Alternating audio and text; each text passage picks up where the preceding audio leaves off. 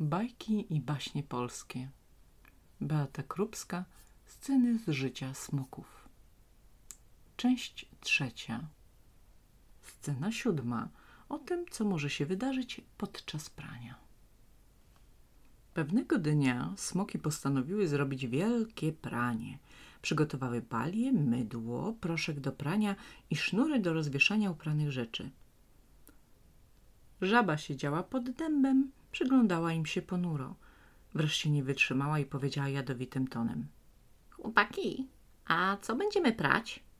Smoki znieruchomiały przy swoich czynnościach i wpatrzyły się w żabę czerwonymi oczami. Po chwili smok Zygmunta wykrztusił. Ja mam kokardkę we włosach. Ja też, dorzucił Wincenty. Zapanowała cisza. Możemy uprać nasze termosy i saksofon? Oznajmił po chwili nowy średni, niepewnym głosem. Wiecie co? Zagrzmiała żaba, zrywając się na nogi. I nagle umilkła, bo na polanę wbiegła makrauchenia i schowała się za dębem. O, makrauchenia, powiedział zdziwionym głosem Zdzisław. Makrauchenia wysunęła głowę spoza dębu i zamrugała niepewnie powiekami. Bezczelny, wyszeptała.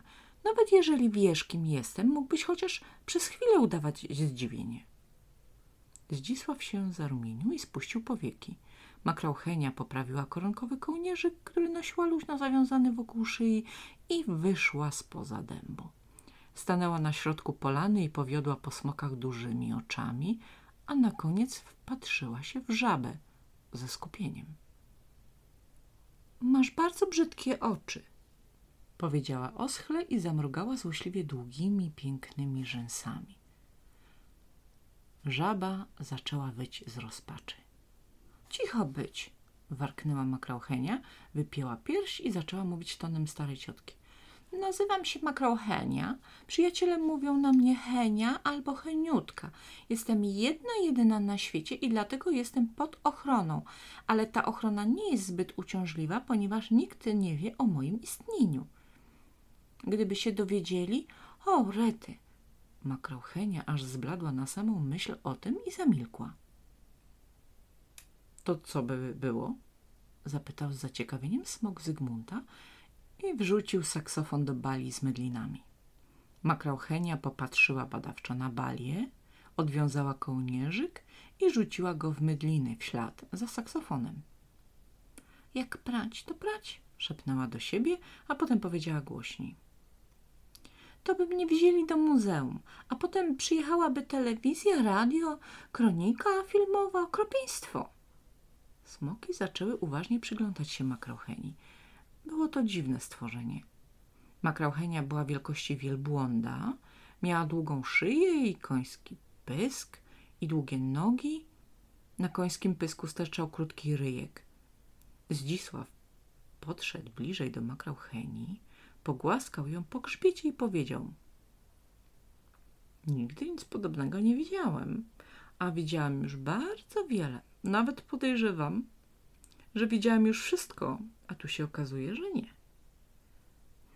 Nie mogłeś nigdy nic podobnego widzieć, bo ja wymarłam dwanaście milionów lat temu. Co ty za bzdury gadasz? rozłościła się żaba. Jak mogłaś wymrzeć, skoro tu jesteś? To znaczy wymarły wszystkie inne makrochenie oprócz mnie? Poprawiła się Henia i usiadła na trawie. Smoki przysiadły obok niej. Żaba była dalej obrażona i siedziała na dęta, obgryzając paznokcie.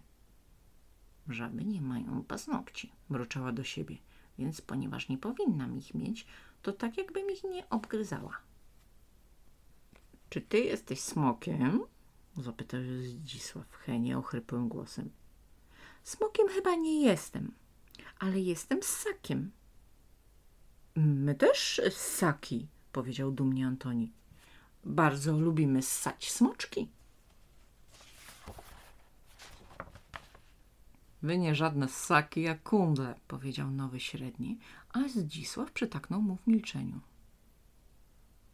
Zaraz, zaraz. Czy kundel nie może być ssakiem? Wtrącił się smok Zygmunta. Nawet jeśli może, to jego ssakowatość przestaje być ważna przy kundlowatości, odparł nowy średni. A teraz daj nam porozmawiać z tą biedną dziewczyną. Makrauchenia spojrzała na niego ze zdziwieniem i szepnęła. To macie tu jakieś dziewczyny?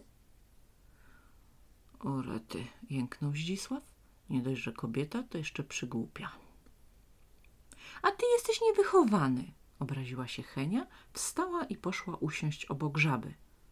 Żaba bardzo się ucieszyła.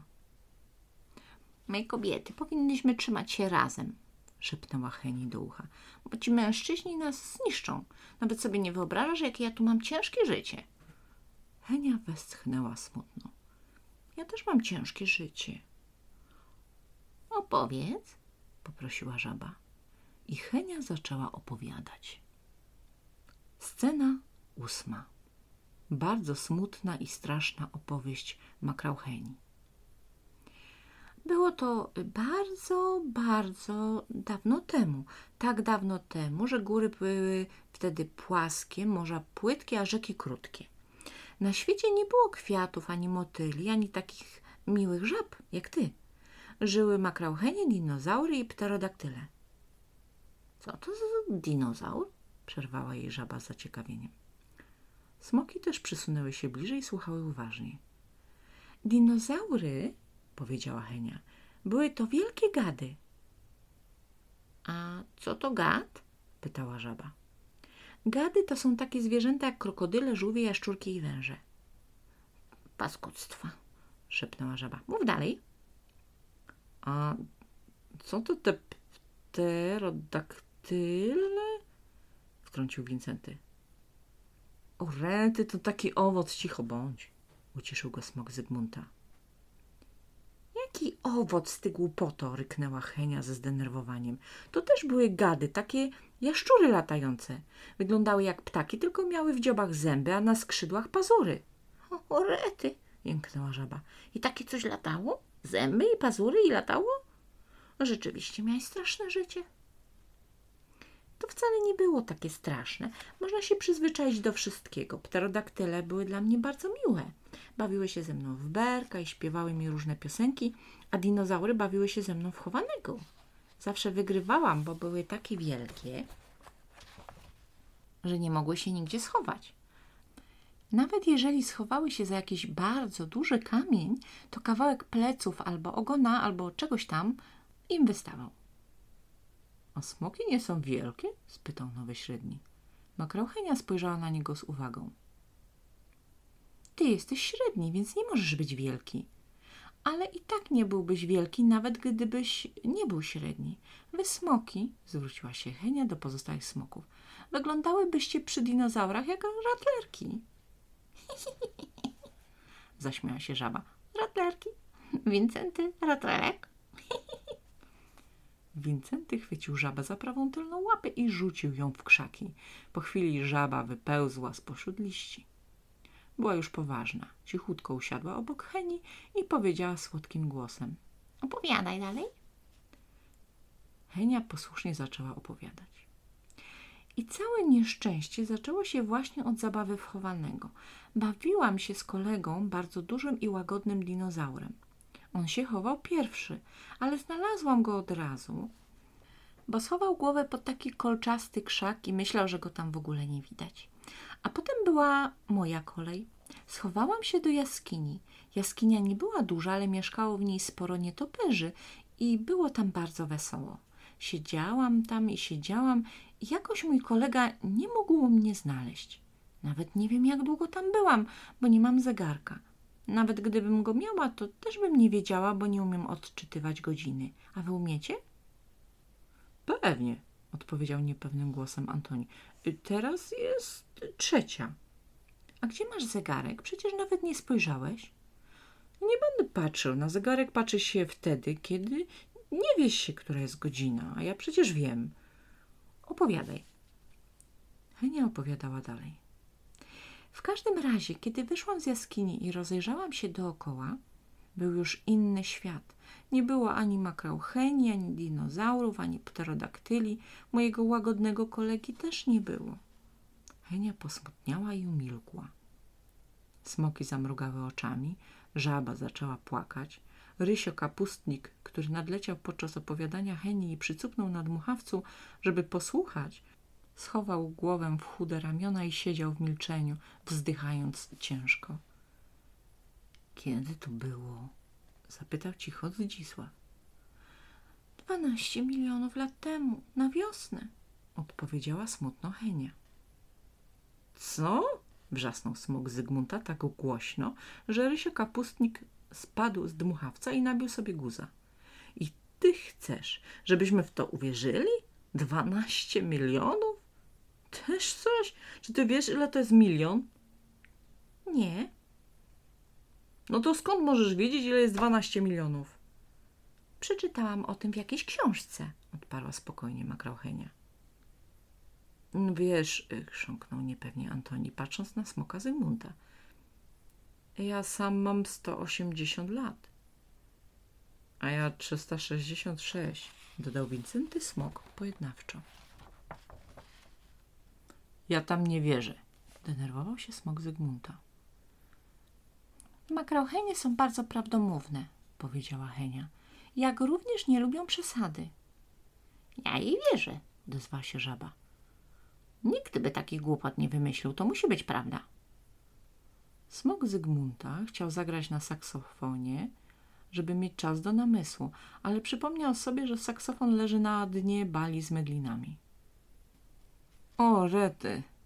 Łysy pies mi nigdy tego nie wybaczy.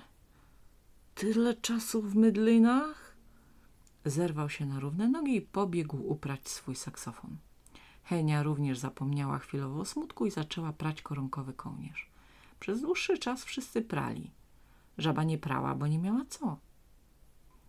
Muszę sobie kupić białe podkolanówki, myślała. Białe, żeby szybko się brudziły i żebym zawsze miała coś do uprania i pepegi. Jak to będzie elegancko wyglądało, żaba w pepegach. Więcej opowieści w tym dniu nie było. Wkrótce na sznurach wisiały uprane termosy, saksofon, kokardki i kołnierzyk Heni. Wszyscy poukładali się wygodnie wokół ogniska, które rozpaliła żaba, żeby odpędzić komary. Łysy pies siedział pod krzakiem owinięty w koc i kichał, patrząc ponuro na smoka Zygmunta. Taki to pieski los, myślał. Piorą cię w mydlinach, nawet nie pytając o zgodę. Zapadła noc. Scena dziewiąta. Dowiadujemy się, czego nam brakowało w dniu urodzin. Życie na polanie toczyło się spokojnie przez jakiś czas. Nic specjalnego się nie działo. Henia mieszkała ze smokami i widać było, że humor jej dopisuje. Nauczyła się jeść zupę ogórkową i mchomory. Żaba codziennie prała jej koronkowy kołnierz, a potem suszyła go na sznurze w słońcu. Kołnierz był zawsze biały jak śnieg i pachniał powietrzem. Wieczorami smok Zygmunta grał na saksofonie. Łysy pies dał się przeprosić i brał udział w prawie każdej melodii. Czasami przylatywał Rysio Kapustnik z kolegami i dawali przedstawienie. Smoki bardzo chciały brać udział w niektórych widowiskach, ale Rysio uważał, że są za ciężkie i za grube. Nie powiedział im tego wprost, bo przecież by się obraziły. Wytłumaczył im natomiast, że z pewnością nigdzie nie kupią baletek, w które dałoby się wcisnąć tłustą smoczą łapę, a taniec bez baletek jest nie do pomyślenia. Smoki wkrótce przyznały mu rację i zadowoliły się rolą widzów. Nawet im to odpowiadało, bo przed każdym przedstawieniem kupowały wielką torbę karmelków i pożerały je w skupieniu, oglądając tańce motyli. A ponieważ smoki bardzo lubią karmelki, więc wieczory baletowe upływały w cudownej atmosferze. Pewnego dnia, chyba w piątek, dobrze już nie pamiętam, ale na pewno nie był to poniedziałek. Rysio Kapustnik przyleciał sam i oznajmił, że dzisiaj jest poniedziałek, więc przedstawienia nie będzie, bo w poniedziałki wszystkie teatry są zamknięte. Dzisiaj jest piątek, powiedziała ze zdziwieniem żaba. Jak może być piątek, skoro nie będzie przedstawienia? Poniedziałek i koniec. A przedstawienia nie będzie również dlatego, że mam dla was niespodziankę. Dziś wieczorem rozpalcie ognisko i czekajcie na mnie. O ósmej przyprowadzę tę niespodziankę, bo sama nie chciała przyjść. Wstydzi się. Rysio był wyraźnie podniecony, poprawiał rajstopy nerwowymi ruchami i mrugał porozumiewawczo do Heni. Henia pisnęła cienko. Znalazłeś drugą makrałhenię? Nie, nie, moja droga, dobra kobieto. Drugiej takiej jak ty nie ma na całym świecie. Rysio uśmiechnął się do Heni z czułością. Henia oblała się pąsowym rumieńcem, a żaba pomyślała ze zdziwieniem. Porety, zakochał się. To samo musiało przyjść do głowy Heni. Spuściła nieśmiało powieki i poprawiła kołnierz. A kiedy ponownie odważyła się spojrzeć na rysia kapustnika, nie było go już na polanie. O godzinie ósmej wszystkie smoki, Henia i Żaba siedzieli wokół ogniska i czekali niecierpliwie na Rysia kapustnika. Rysio się spóźniał. Ech, ci artyści, westchnęła Henia. Żadnego poczucia czasu. Smoki ponuro przytaknęły głowami. Jest, jest, wrzasnęła żaba. Rzeczywiście, Rysio przyleciał i usiadł na trawie obok żaby. Jestem, wysapał. A teraz uwaga. Rysio zwrócił się w stronę pobliskich zarośli i krzyknął. Możesz wyjść! Z krzaków wyszedł smok. Ale jaki? Wielki, puchaty, różowy, od łba do ogona, o prześlicznych, pomarańczowych oczach i niebieskich kłach. Futro miał bardzo długie i gęste i bardzo miękkie. Wyglądał jak kłębek puchatej wełny, tylko że ten kłębek był potwornie wielki. Smoki rozdziawiły pyski ze zdumienia, żabie oczy zrobiły się jeszcze większe, a Henia spojrzała na Rysia kapustnika, mrugając długimi rzęsami i szepnęła z uwielbieniem. Och, Rysiu! Rysio kapustnik wypiął dumnie wątłą pierś, a potem spuścił skromnie oczka i powiedział spokojnie. To jest tortowy smok urodzinowy – Błąkał się tu w okolicy jak bezpański pies, więc postanowiłem przyprowadzić go do was. Pies? Jaki pies? Zeskomlał łysy pies, wychylając łeb z saksofonu. A zobaczywszy puchatego smoka, oniemiał. Ciekawe, jaka to rasa. Zdążył pomyśleć, ale wtedy smok Zygmunta zauważył go i zmarszczył brwi bardzo groźnie. Łysy pies uśmiechnął się do niego, fałszywie szczerząc zęby i schował się szybko. Tortowy smok urodzinowy stał, przestępując z nogi na nogę i najwidoczniej bardzo się wstydził. Na szyi miał termos w aksamitnym żółtym pokrowcu przewiązany czarną aksamitką. Obok termosu na złotym łańcuszku wisiał smoczek. – O, sak! – powiedziała Henia na widok smoczka. – Smok – poprawił ją tortowy. – Tortowy smok urodzinowy.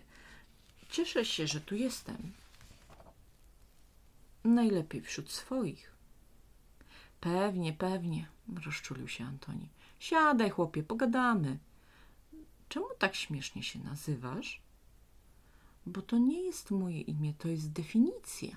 De co? Definicja.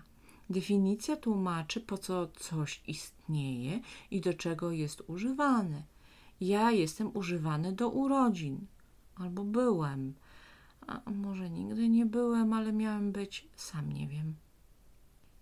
Może powiedz dokładnie o co chodzi, bo my nic nie rozumiemy, przerwał mu Rysio kapustnik. Puchaty smok zmarszczył brwi i zaczął tłumaczyć. Miałem być takim smokiem, który w dniu urodzin przychodzi do dzieci, żeby ich urodziny były jeszcze bardziej uroczystym dniem. Przynosiłem tort i świeczki, Potem pomagałem zdmuchiwać te świeczki i urządzałem gry i zabawy, ale dzieci się mnie bały. Bały?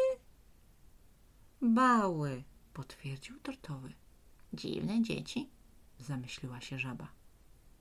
Właśnie, przytaknął smok Zygmunta.